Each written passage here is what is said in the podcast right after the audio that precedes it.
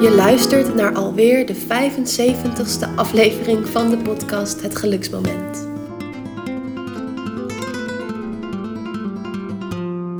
Een ruzie kan soms zo frustrerend zijn. De ander heeft een totaal eigen verhaal dat niet overeenkomt met het jouwe. Kon diegene maar begrijpen wat jij voelde en inzien wat er gebeurd is. In ruzies gaat vaak het een en ander mis, waardoor je het niet echt krijgt opgelost. Je blijft hangen in wel eens nietes, je gaat over in de oplosmodus en het sussen, of je loopt juist helemaal weg voor een confrontatie om het te laten bezinken. Zo kan je het beste geen ruzie maken. Waarom niet en hoe dan wel? Deze aflevering gaat over wat er nou eigenlijk gebeurt wanneer je ruzie hebt. Mama en ik komen allebei met een eigen voorbeeld, want vandaag zitten we toevallig allebei in een ruzietje.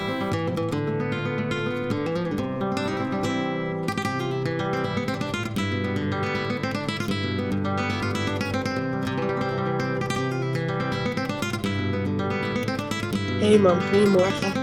Hey, goedemorgen lieve dochter. Ik zie de zon schijnen op jouw gezicht, want ik heb, de, ik heb het de privilege dat we elkaar eh, kunnen zien via de camera. Uh, dat is een prachtig begin van de podcast voor mij. En ik hoop voor de luisteraar dat buiten ook de zon aan het schijnen is. Dat maakt je dag altijd net weer even wat anders. Welkom luisteraars bij onze podcast Het Geluksmoment. En uh, nou, we willen met elke podcast eigenlijk een onderwerp aanroeren, waardoor je net weer iets anders tegen je eigen leven aankijkt en uh, eigenlijk net wat meer ontspanning gaat binnenhalen. Juist over, door het over onderwerpen te hebben die misschien niet altijd even makkelijk zijn. Nee, het is niet bepaald een ontspannen ochtend. Je ziet me nu ook, uh, je hebt natuurlijk de camera aan, dus je ziet me nu ook naar voren buigen om het gordijn dicht te doen. want die zon schijnt zo fel in mijn gezicht. En ik hang gewoon vol in mijn infraroodpaneel. Dus mijn hele haar is er zojuist afgebrand. ja, want uh, die neemt de podcast op in haar boot in Amsterdam. En dat is een ongeïsoleerde boot. En we gaan weer richting de koude dagen. En uh, ik neem de podcast op in Rijsbergen, in ons, op ons mooie plekje, ja, op onze eigen hectare natuurterrein. Wij zijn moeder en dochter en tegelijkertijd ook natuurgeneeskundige. En Nieke die werkt uh, voor ons uh, in, de, uh, in, ons Centrum voor Natuurgeneeskunde. Mijn, mijn speerpunt is mensen met chronische of terugkerende klachten. En chronische klachten, ja, die duren vaak al heel lang. Ze zijn niet voor niks chronisch. En eigenlijk heb je ze, kun je ze het beste stap voor stap, zoals een laag, lagen van een ui, stap voor stap weer ja, stukjes gezonder worden. En daar wil onze podcast op, uh, op onze manier uh, aan bijdragen. Maar wel vandaag door, denk ik, een, beetje een lastig onderwerp aan te roeren, Nick, of niet? Nou, dat denk ik eigenlijk niet per se. We weten natuurlijk niet precies waar het heen gaat. Uh, want normaal gesproken hebben we wel een soort van idee of gevoel erbij. Dat weten we nu nog niet. Dus we gaan zo gewoon beginnen. Maar het is wel een belangrijke, want um, ja, de manier waarop deze podcast bijdraagt eigenlijk aan het oplossen van chronische klachten, bijdraagt aan je gezonder en gelukkiger voelen, is omdat we stap voor stap in elk onderwerp van het leven uh, kleine drukpunten daarop inzoomen en dan eigenlijk het erover hebben hoe je daar op dat punt de druk kan verlichten. En vandaag is dat het onderwerp ruzie of discussie met iemand. En um, waarom dat zoveel druk kan geven, ik denk dat iedereen dat wel erg erkent, is um, die frustratie van dat jij hebt een uh, bepaald idee in je hoofd, de ander. En het is heel erg verleidelijk om naar elkaar dan soort van te gaan schreeuwen en, en te gaan praten daarover. Uh, en op een gegeven moment voel je dan echt die grote frustratie dat de ander nooit jou helemaal zal begrijpen. Of in ieder geval nooit jouw mening helemaal zal delen. Ken je dat? Ja, ik denk dat je daar maar moet beginnen inderdaad. Want uh, we gaan natuurlijk niet voor niks ruzie maken. Hè? En dan hebben we het nog niet eens vandaag over boos zijn, maar geen ruzie durven maken. Misschien komen we daar straks nog op verder in de podcast. Maar voor nu geldt vooral, stel je voor dat je plotseling boos wordt. Um, en dat je dat ook uh, kunt zijn, mag zijn, moet zijn. Want, ja, is het moet zijn? Dat is dan een hele interessante ingang. Wanneer moet je boos zijn? Nou, um, ik was net toevallig even boos, had ik je net al verteld.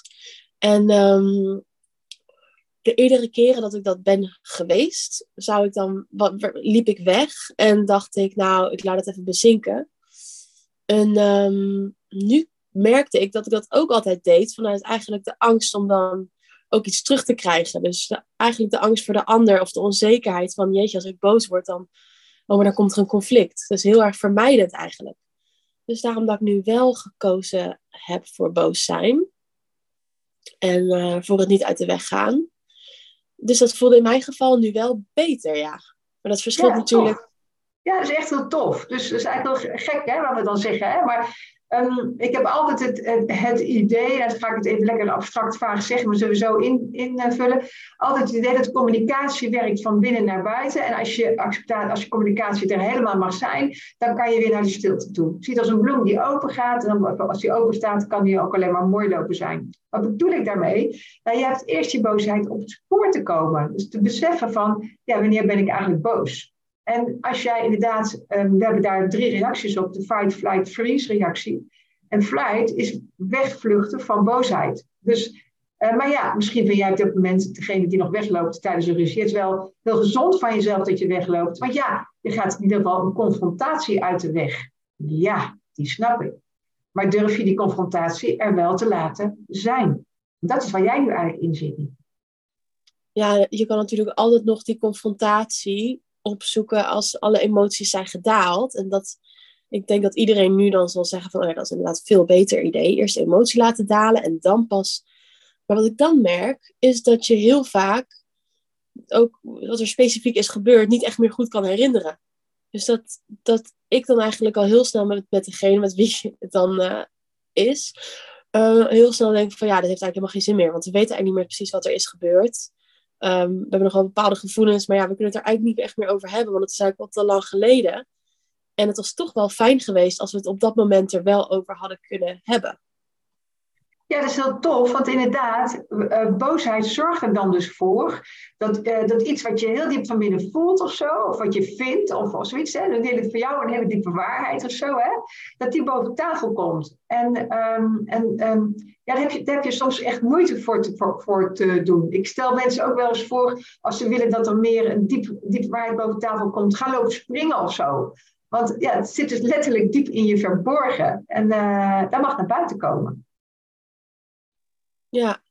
ja, precies. Alleen als je dat dan richt op een persoon, dus je kiest er wel voor om in die boosheid al meteen dat ook dan te uiten, ja, dan krijg je vaak een, uh, een defensieve reactie. Ik denk dat er maar heel weinig mensen zijn die dan uh, echt inhoudelijk erop ingaan. Je krijgt of een defensieve reactie, je krijgt eigenlijk weer de fight, flight, freeze reactie van de ander.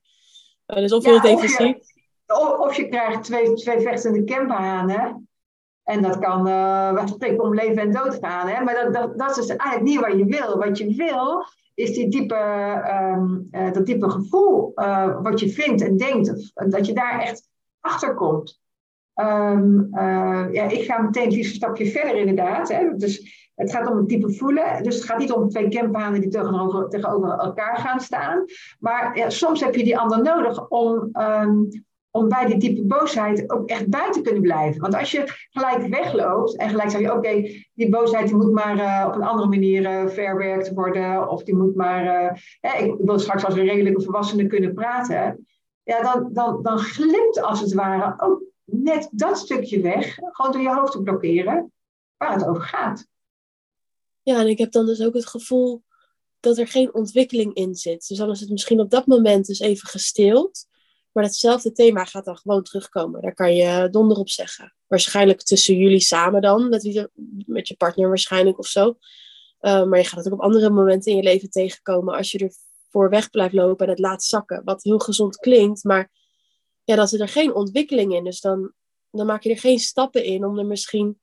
Kijk, je boosheid komt natuurlijk vaak uit een gevoel eigenlijk van verdriet of angst. Uh, eigenlijk vaak vanuit een gevoel van dat de ander er eigenlijk niet voor je is. Of het gevoel dat je misschien verlaten wordt door de ander. Of het gaat altijd om best wel ja, verdrietige angsten. En als je daar maar niet achter komt en het blijft een soort van boosheid in het moment, want diegene zei dit tegen mij, ja, dan pak je dat onderliggende thema ook niet aan en dan gaat het nog heel vaak terugkomen en dan begrijp je dus nog niet precies waar het over gaat, waarom je eigenlijk zo boos bent. Ja, dus het, gaat, uh, dus het gaat niet over jij vindt en ik vind. Maar het gaat, eh, eh, eh, en dan ga je waarschijnlijk lopen uitleggen, want ik, ik vind, want, dan ga je heel de waarheid lopen uitleggen. Nee, het gaat erom dat je op het spoor komt waarover je eigenlijk boos bent. Het gaat dus over het ja, diepe gevoel, je kunt ook zeggen de, de intuïtie als het ware. Het diepe gevoel in je van, ja, maar wat speelt daar nou eigenlijk op diep niveau? Um, ja, of dat ik dacht dat al een eerste antwoord is op, jou, uh, op jouw opmerking. Ja, dus dan is eigenlijk de eerste aanwijzing hier van de volgende keer dat je een emotie, zo'n emotie voelt, die boosheid of zo, probeer, probeer het te uiten als je dat niet al doet. Uh, en probeer dan misschien te beginnen met ik voel. In plaats van ik vind, jij deed, uh, dit is, dat is. Maar begin misschien met ik voel, ik voel me. Want dan ja, een heel toffe opmerking is dat, Nikke. Je bent natuurlijk niet. Wij zijn natuurlijk, ja, je bent moeder en dochter, dus dat is wel heel tof om dat van jou inderdaad terug te horen. Dat het inderdaad zo belangrijk is om te zeggen: ik voel. En um, ja, je kunt ook zeggen: ik ben, maar dat, dat, dat zullen misschien mensen ook denken: mag ik dat ook zeggen? Nee, want je bent meer dan alleen die boosheid. Dus het gaat erom dat je die, en dat bedoelt niet aan te geven, dat je die boosheid wel laat zijn, maar dat je die um, eventjes um, uh, als een losstaande, uh, ja, losstaand iets van jezelf ziet. Ik zou bijna zeggen als een, als een energie, als een van de energieën waaruit jij op dat moment uit bestaat. We bestaan altijd uit een heleboel en boosheid is daar op dat moment één van. Dus ik vind, dan blijf je op cognitief niveau zitten, dan ga je het op cognitief niveau lopen uitvechten. Ik voel, dan zak je in jezelf af van hé, hey, uh, wat speelt daar eigenlijk? En ik ben, dan zou je, alleen, dan zou je niet afdalen, want dan ben je alleen maar die boosheid. Nee, maar je wil juist erachter komen wat voor conflict eigenlijk op diep niveau speelt. Waarom noem ik dat conflict? Um, ja, dat, er is natuurlijk een conflict tussen wat jij voelt en wat er op dat moment aan het gebeuren is. Dus bijvoorbeeld, um, je had een bepaalde verwachting en iemand stelt die teleur, bijvoorbeeld. Dat is een conflict. En dat gaat er waarschijnlijk om dieperliggende waarheden van uh, ja, dat je bang bent om verlaten te worden, of dat kan er nog onder liggen. Maar ja, dat is een conflict. Ja, en ik denk eigenlijk, eigenlijk zeg je dan een conflict tussen Um, dus wat er gebeurt en wat je diep van binnen voelt. Maar ik wil hem nog persoonlijker maken. Daarmee, uh, als je het naar jezelf toe haalt, heeft de ander geen schuld en schaamte. Hoeft hij niet, zich niet te schamen. En daar geloof ik natuurlijk uitermate in, want dat is stap 2 van de uh, vijf stappen methode om chronische klachten te verminderen of op te lossen. Uh, en dan gaat het dus om dat je al die beetjes druk van jezelf en dus van de ander afhaalt. Nou, een van de beetjes druk is schuld en schaamte hoef jij niet te doen, maar hoeft een ander ook niet te doen. Dus inderdaad een conflict tussen wat er gebeurt. En dat is dus eigenlijk een conflict met jouw verwachting. Dus het zegt iets over wat jij, hoe jij denkt over iets. Hoe, jou, hoe jouw overtuiging is. Eigenlijk hoe je uh, normen en waarden zijn. Dus op dat moment speelt er een conflict in jou af. Namelijk uh, tussen, jou, um, uh, tussen, wat jij, tussen wat jouw verwachting is en wat, jou, um, uh, en wat er gebeurt. Dus eigenlijk gaat het over jouw verwachting. En dan komen we dus op het spoor van, ja, maar wat vind je er eigenlijk zelf van? Wat is de verwachting eigenlijk? Ja, ja en, en wat je inderdaad al goed zegt, van als je praat vanuit ik voel, op dit moment voel ik, dan, um, dan leg je geen schuld bij de ander neer. Want dat is natuurlijk waarom je vaak in ruzies die defensieve reactie krijgt van iemand. En ook waarom in ruzies je vaak die frustratie voelt van... Jezus, die gaat nooit begrijpen wat ik bedoel, terwijl ik toch echt gelijk heb. En terwijl als je vanuit ik voel spreekt, dan, dan zet je de ander niet voor een blok. Dus dan kan die ook echt vrij luisteren zonder zich aangevallen te voelen van jeetje, hoe voel jij je? En dat heb ik vandaag dus niet helemaal goed gedaan. Want ik begon wel eigenlijk vanuit schuld. Maar daar had ik ook echt even zin in.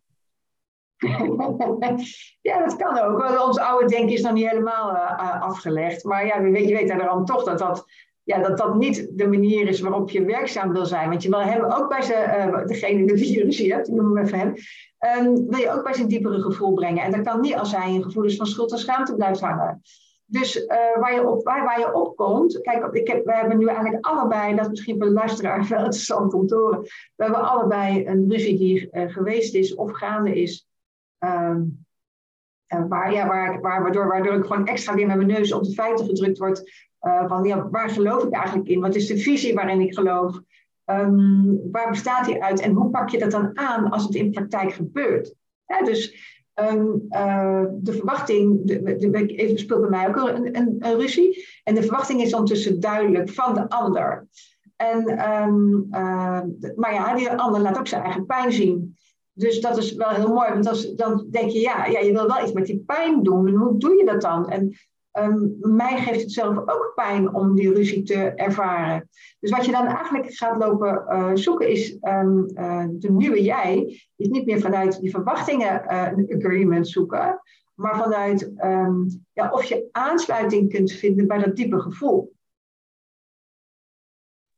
Ja, lastig hoor, want je hebt natuurlijk allemaal je eigen patronen en de manier om om te gaan met, met als iemand boos op jou is of tegenover je staat met verdriet. Dus dat komt er ook nog eens een keer bij kijken, dat je misschien um, eigenlijk meteen verkrampt en denkt, shit, er is een probleem, ik moet het uh, gaan oplossen. En dat je eigenlijk heel erg verhardt. Nou, die ander wordt alleen nog maar verdrietiger, want uh, er is geen warmte of liefde of zo die ken ik wel. Of, uh, of je gaat het inderdaad als een gek proberen op te lossen. En, en daarbij laat je dan eigenlijk ook je eigen waarde in de steek. Zoals je net ook al zegt. Van, je voelt die verwachtingen van de ander heel erg. En je kan ook heel erg misschien wel hun pijn begrijpen. Maar um, ja, dan kan je nog niet alles aan de kant zetten en het dan maar doen zoals zij willen. En dat is dan ook waar het lastige van een discussie komt. Want um, wat dan als de ander dan jou niet begrijpt? dat is zo lastig. Dat, nou, de ander zit met pijn en die begrijp je echt wel. En, uh, maar ja, jij wilt toch ook niet uh, bepaalde dingen aan de kant zetten en het dan maar oplossen zoals zij het fijn vinden. Want ja, daar kom je trouwens ook niet verder mee. Dat willen zij waarschijnlijk diep van binnen ergens ook niet. Maar op de oppervlakte willen ze dat wel. En begrijpen ze totaal niet waar jij vandaan komt. Ja, dat is toch wel lastig hoor. Als het familie is of mensen van je houdt. Dit is echt een hele lastige. En uh, voor je het weet, daar zit ik dus eigenlijk al de hele week in, zit je in een wespennest. In de wespennet en blijf je rondjes draaien. Blijf je rondjes draaien. Uh, want je wil ook, we willen allemaal pleasen. Dat, dat moeten we eigenlijk ook. Want dat komt van ons, een van onze stresssystemen af. We moeten bij een groep horen, want anders dan, ja, dan overleven we misschien wel niet. Als, je naar de prehistorie terugkijkt, is dat natuurlijk een van onze drijven. Um, er zijn ook mensen die zeggen, ja, het is een gezonde drijf. Ja, kan. Want ja, als je helemaal, je, bent, je kunt nooit echt helemaal in je, in je eentje zijn natuurlijk. Ja, je hebt natuurlijk wel de programma's van ver weg is maar dan nog, je bent altijd wel onderdeel van een systeem. Al is het maar van de natuur. Dus um, ik ga mezelf nu eigenlijk ook vast. Um, hè, maar het is dus heel makkelijk om, uh, om in de oude uh, manieren van oplossen te gaan zitten. Dat betekent sussen, doen wat, je, wat er van je ver, verwacht wordt. De, ja, dus de verwachtingen volgen zoals die door alle partijen uitgesproken worden. Zeggen, en, en, en, zeggen dat je het zo niet bedoeld hebt, ja, dat wordt natuurlijk al. Uh, kan ook tot sussen gerekend worden. En dan heb ik het ook over zeggen dat je het zo niet bedoeld hebt. En dat zijn de oude manieren. En de oude manieren is eigenlijk, zie ik eigenlijk als sussen, meer als troosten. Want er wordt een knoop niet echt opgelost. Zie jij dat ook?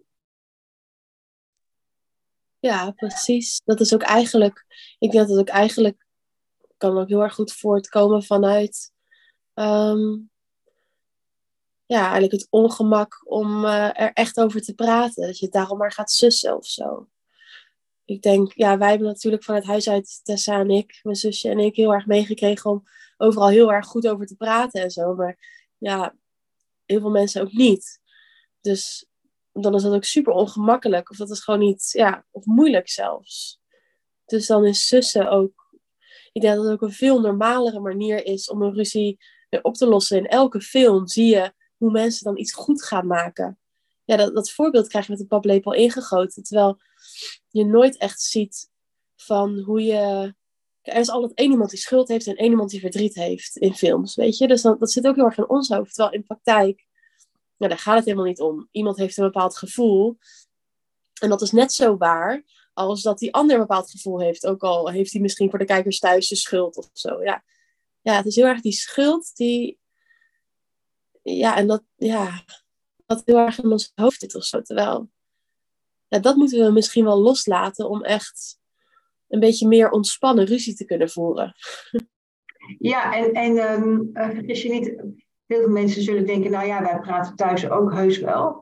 Maar dan praat je toch heel vaak over een mening of wat, wat je vindt. En dan ga je uh, dan ga je de ander naar jouw mening proberen over te halen. Maar dat is niet waar, wat Nieke nu bedoelt als je het hebt over praten over. Het is eigenlijk praten over, ja, wat voel je en wat beweeg je en um, ja, hoe kom je tot jouw gedrag. Dus dat is een heel ander soort gesprekken wat we eigenlijk, ja, wat jij met de paplepel hebt, hebt, uh, hebt uh, binnengekregen.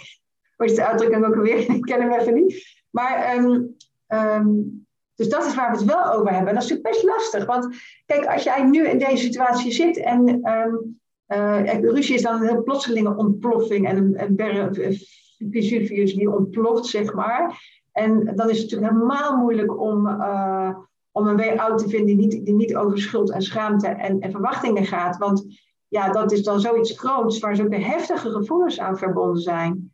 En het vraagt je dus eigenlijk om um, juist op kleine schaal uh, al anders um, ja, je contacten vorm te geven. Want op zo'n grote schaal, nee, weet je, er, komt ineens zoveel pijn boven tafel. En een, nieuwe manier van zijn. Er zijn zoveel loopjes waar je makkelijk in kunt glijden, waar we het net over hebben. En altijd, altijd die zusmomenten. Dus ja, ik gun dus eigenlijk dan mensen, ja, misschien wel af en toe een keer een ruzie, maar liever niet, want dat is best heel pijnlijk. Uh, wel als je gevorderd bent. Als je gevorderd bent en snapt dat je niet in dat uh, schuldgedoe blijft zitten, dat je het naar jezelf toe kunt halen, dat, het, dat een ruzie altijd een projectie is, wat iets, een spiegel wat in jezelf afspeelt, weet je, dan kun je steeds gezonder gaan lopen ruzie maken.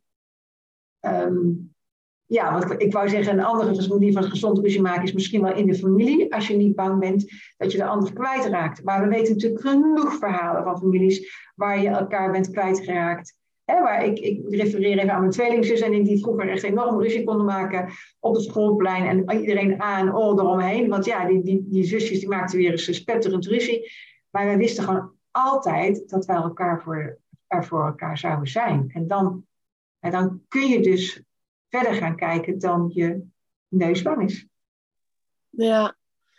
ja, dus hebben we nu het frustrerende van ruzie misschien al wel een beetje besproken. Van, uh, dat je inderdaad zo, als je het over meningen gaat hebben en over wat er nou precies is gebeurd, als je daar heel erg in blijft hangen, dat het dan een bepaalde discussie wordt waarbij die frustratie naar boven komt, want je hebt nou eenmaal niet hetzelfde hoofd en dat gaat ook nooit gebeuren. Dus daar zit die frustratie van ruzie vaak in. Dus de oplossing is dan eigenlijk heel simpel.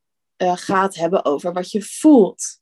En niet over wat er is gebeurd. Maar dan moet je ten eerste al doorhebben dat wat er is gebeurd onbelangrijk is en dat het eigenlijk gaat om wat je voelt. En dat is denk ik al heel erg lastig. Want het is ook heel erg fijn om het te hebben over wat er gebeurt. Want het geeft je ook een gevoel van, oh ja, mijn emoties mogen er zijn, want kijk, het is er gebeurd. Ik heb het gevoel alsof als we boos zijn of verdrietig, dat we vaak ook redenen willen zoeken om dat dan goed te praten, dat we dat ook zijn, alsof we dat niet mogen zijn of zo. Uh, en dat je dan heel erg blijft hangen van, ja, maar jij zei dit. En daarom ben ik nu zo verdrietig. Ja, snap je wat ik bedoel? Ja, dat snap ik zeker. Had, had, had, ik daar pas trouwens ook al een aanvaring, over. Dat ik zei, ja, het zijn allemaal verhalen, maar waar het over gaat, is eigenlijk het gevoel wat eronder zit. Was het, ja, maar ja, nu neem jij mijn verhaal niet serieus. Dus dat is best een, een, uh, een ding. Maar het gaat er inderdaad om dat je jezelf steeds meer gaat toestaan dat je bepaalde gevoelens, dat die er gewoon zijn. En het is heel makkelijk als je daar een oorzaak en gevolg aan kunt hangen. Uh, en en uh, hoeft er nog niet eens de ander te zijn, maar ik heb ervaren dit, ik heb ervaren dat. Ja, meestal geef je dan ook schuld aan, aan een ander al. Hè? Die heeft dat gedaan, maar daardoor heb ik dit ervaren. En daardoor is mijn pijn nu heel groot. Hmm, dat is dus best lastig. Nou, ik denk wel door dit gesprek heb ik wel me voorgenomen om zo meteen eerst maar eens mijn excuses aan te bieden aan diegene dat ik zo boos um, ben geworden. En eerst maar eens eventjes weer vanuit het gevoel ga beginnen. En dan ga ik eens even kijken waar het schip strandt. Ja, en dan, en dan is het natuurlijk altijd, um, ja, wij kunnen als mensen altijd nog dieper voelen. Hè? Want diep voelen, dat is je uh, intuïtie, je kunt het ook spiritualiteit noemen. En we kunnen ons daar altijd nog meer in ontwikkelen. Ehm, eh, het is misschien wel mooi omdat dan, uh, als je het over contacten hebt, van ja, hoe kun je dat nou in een gewoon contact al, al anders vormgeven? Dat je dus um, het niet alleen maar over het weer hebt en over, weet ik veel, het huis, de stand van het huis of, of, of, of, of de economie of de wereldproblemen, maar ja, hoe kun je nou in je dagelijks leven eigenlijk al um, op een andere manier het contact aangaan? ja, ik denk bijvoorbeeld als iemand vraagt hoe het gaat, dat je daar eens wat langer over nadenkt voordat je meteen antwoordt wat je altijd antwoordt. En uh, ja, misschien wel gewoon de ruimte voelt om dan ook echt een inhoudelijk verhaal te vertellen of zo. Dat vinden we dan heel erg vaak uh, not done. Waar belast je de ander mee? Of, uh, ja, maar ik merk wel, als ik aan iemand vraag hoe het gaat, zou ik het heel erg leuk vinden om echt een inhoudelijk verhaal eigenlijk te horen. Dus misschien dat je daar maar eens mee kan beginnen.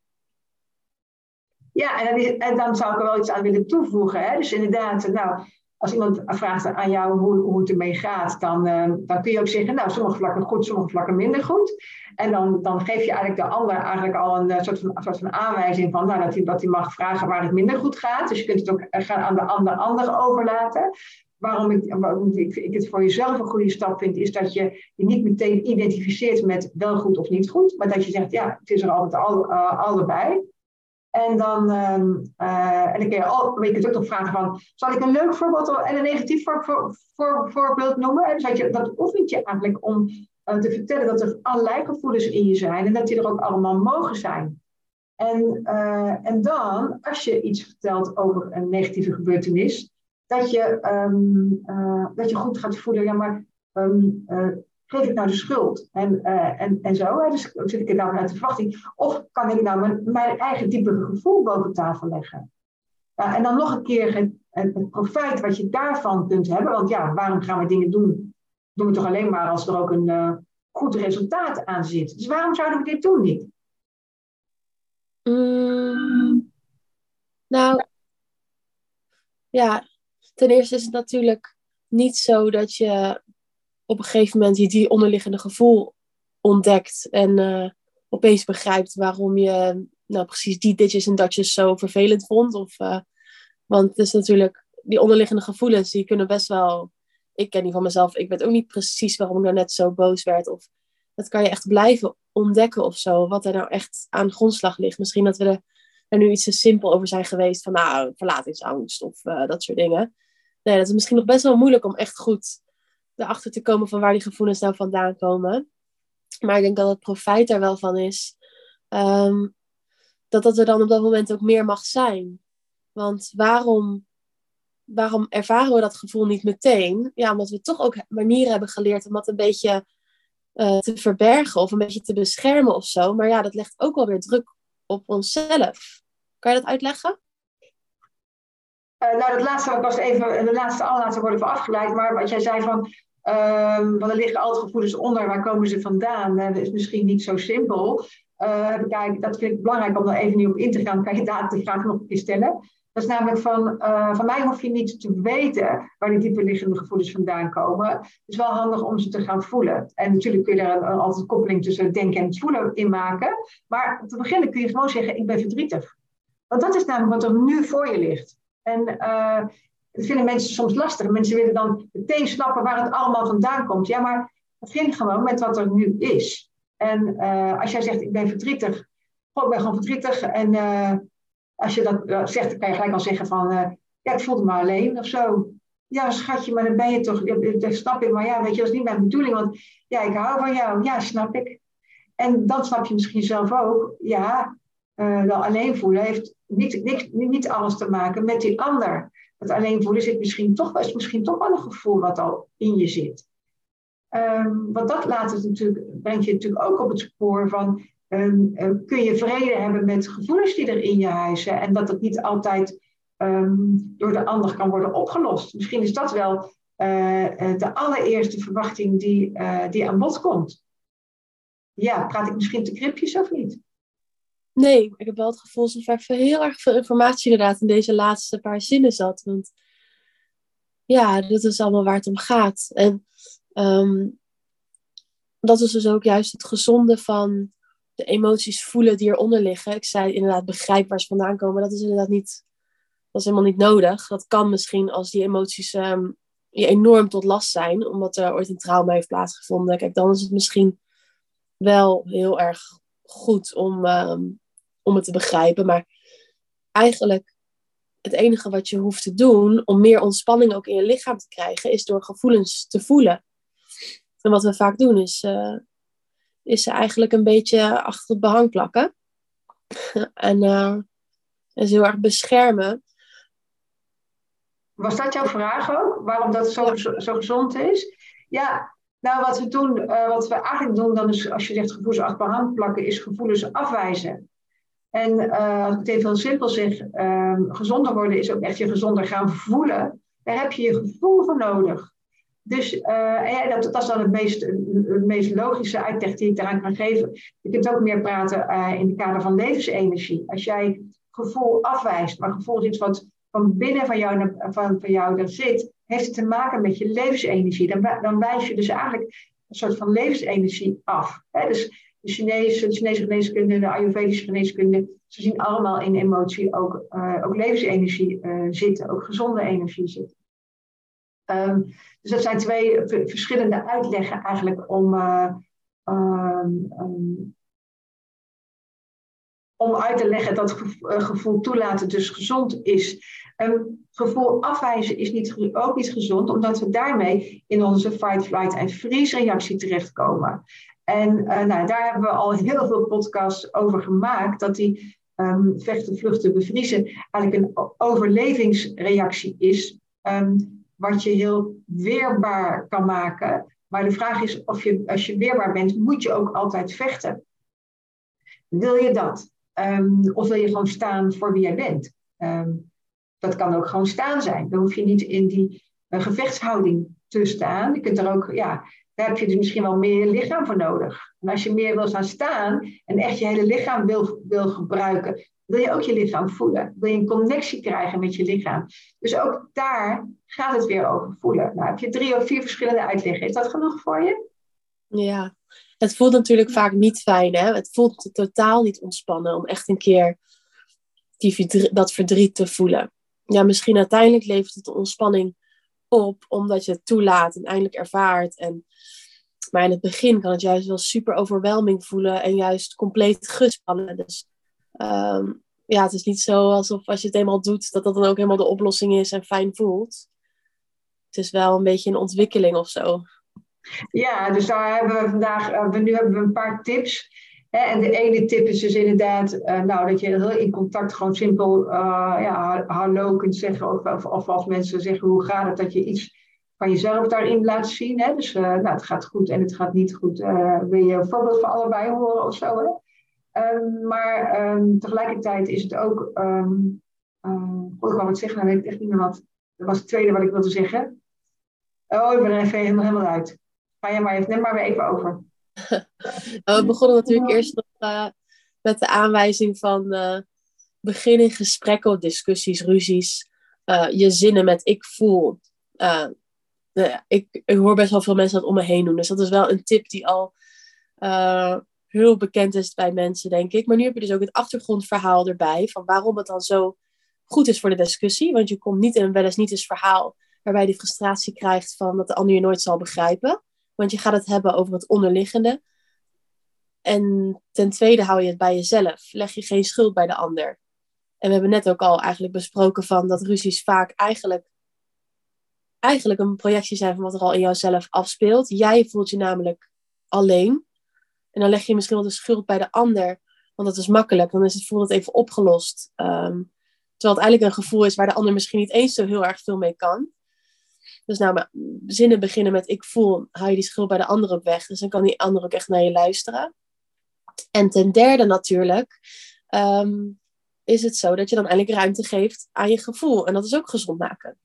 Ja, nou, ik hoorde dat, ik, ik, schaar dat nog even onder punt 2. Ik zou graag nog een hele leuke punt 3 uh, doen. En dat is, uh, kom in beweging. Dus uh, als je sterke emotie hebt en je gaat naar buiten de natuur in, en natuurlijk ook een park zijn, net maar wat je op dat moment onderhand bereiken hebt. En heb ik het dus niet over een snelle beweging, ik heb het over een langzame beweging. Want een snelle beweging, ja, dat kan nog een eh, fight-flight-freeze reactie zijn. Hè? Maar door te vertragen laat je altijd je gevoel meer toe. Dus ga in beweging en vertraag. En, ja, en, en, gebruik je zintuigen om om je heen te kijken en om dus, ja, in feite jezelf eraan, eraan te herinneren dat alles voelen is. Uh, lopen, um, bomen zien, uh, water zien. Uh, al loop je langs huizen en je ziet mooie gordijnen hangen. Dus richt je aandacht daarna ook op een, heel, ja, op een fijn gevoel of op fijne geuren. Als iemand aan het eten koken is en je ruikt dat. Of, maar kom in beweging, want daarmee geef je ook aan dat je dus ja, niet in de freeze-houding hoeft, te gaan, hoeft te gaan zitten. En dat, dat, en dat, dat het lichaam dus gebruikt mag worden om die emotie ook te verteren. Dus um, ja, gun jezelf een, manier van bewegen die bij jou past. Want uh, een emotie verwerken door je lichaam, dan geef je als het ware jezelf de opdracht, gebruik je lichaam ook hierbij. Um, en we willen dat gevoel ook meer in het lichaam krijgen. Want ja, uh, we willen natuurlijk gevoeliger worden voor signalen die ons lichaam uh, geeft omdat het ook een manier is om van chronische klachten af te komen. Dus voelen is een ingang naar het verdwijnen van chronische klachten. Omdat je op de langere termijn meer ontspanning binnenhaalt.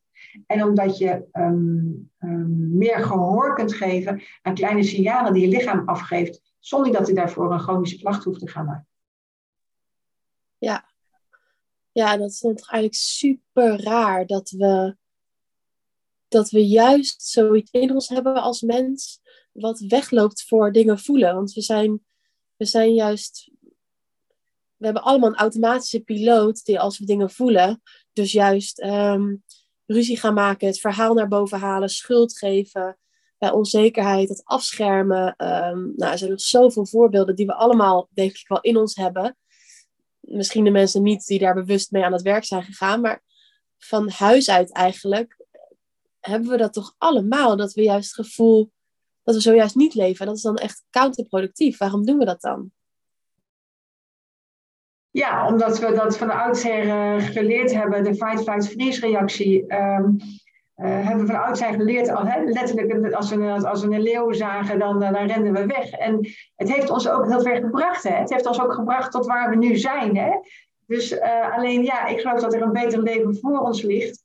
En dat betere leven begint dus bij, of dat leidt naar meer vanuit je hart leven, vanuit de liefde leven, vanuit de openheid leven.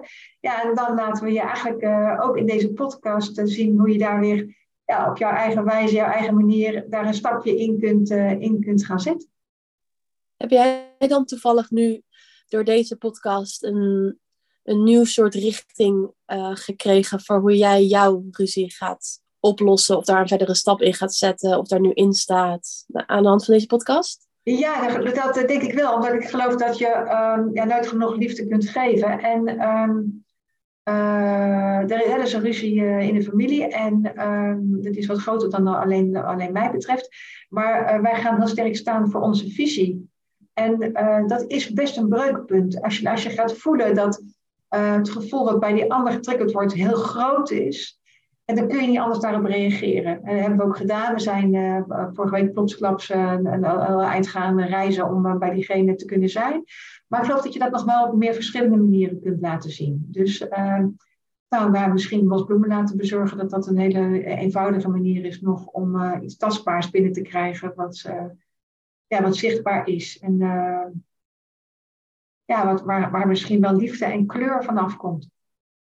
Ja, dus niet vanuit het gevoel van sussen en goed maken, maar gewoon omdat je dus de pijn van de ander hebt gevoeld.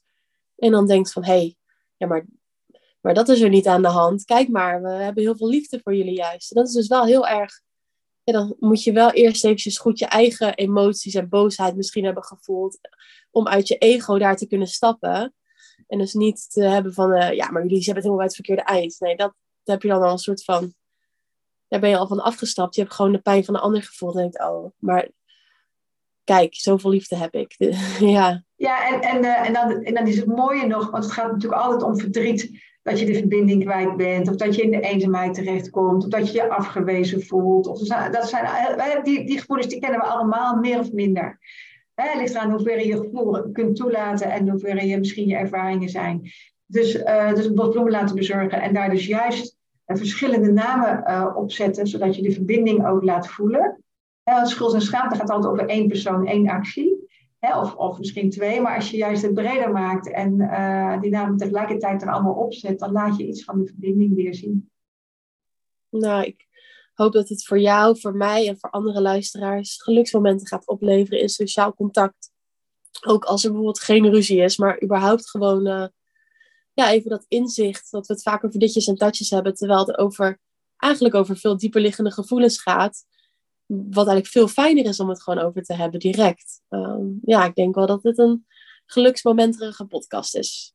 Nou, ik denk ook echt dat ik heel blij ben met jouw vraag, eh, dochter Lief. Uh, van, van wat heeft het voor jou voor inzicht gegeven en wat zou je andere actie zijn in deze? Want uh, ik weet niet of ik er misschien later, als ik, nog, als ik nog zou landen, daar helemaal zelf opgekomen zou zijn. Maar ja, als je dus echt, echt jezelf gunt, dat je vrij bent van, van verwachtingen, vrij bent van schuld en schaamte ja, wat, wat, wat, wil je dan wel? En uh, welke, welke beweging is er dan wel? Ik geloof dat we als mensen altijd een natuurlijke beweging hebben om uh, ons weer met elkaar uh, te willen verbinden en verbonden te voelen.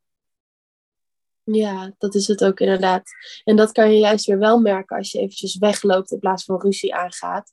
Dan kan je daarna, ik weet niet of je dat ook herkent, opeens een heel sterk het gevoel hebben van, jeetje, waar gaat het toch ook allemaal over? We houden toch gewoon van elkaar?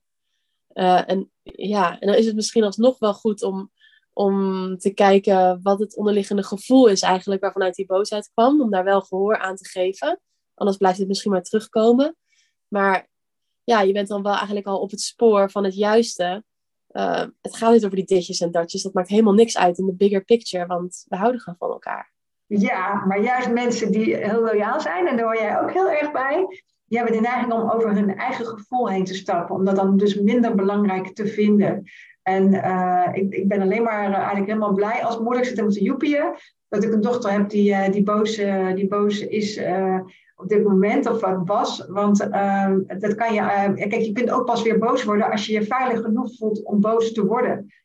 om jezelf dat toe te staan. En blijkbaar voel jij je veilig genoeg om die boosheid te laten zijn. Dus ik gun je echt heel sterk die boosheid, zodat inderdaad de binnenste knoop eh, naar buiten kan, kan, kan komen, omhoog kan komen. En je dus weer een andere richting geeft of een andere ingang geeft om uh, weer opnieuw die verbinding te zoeken.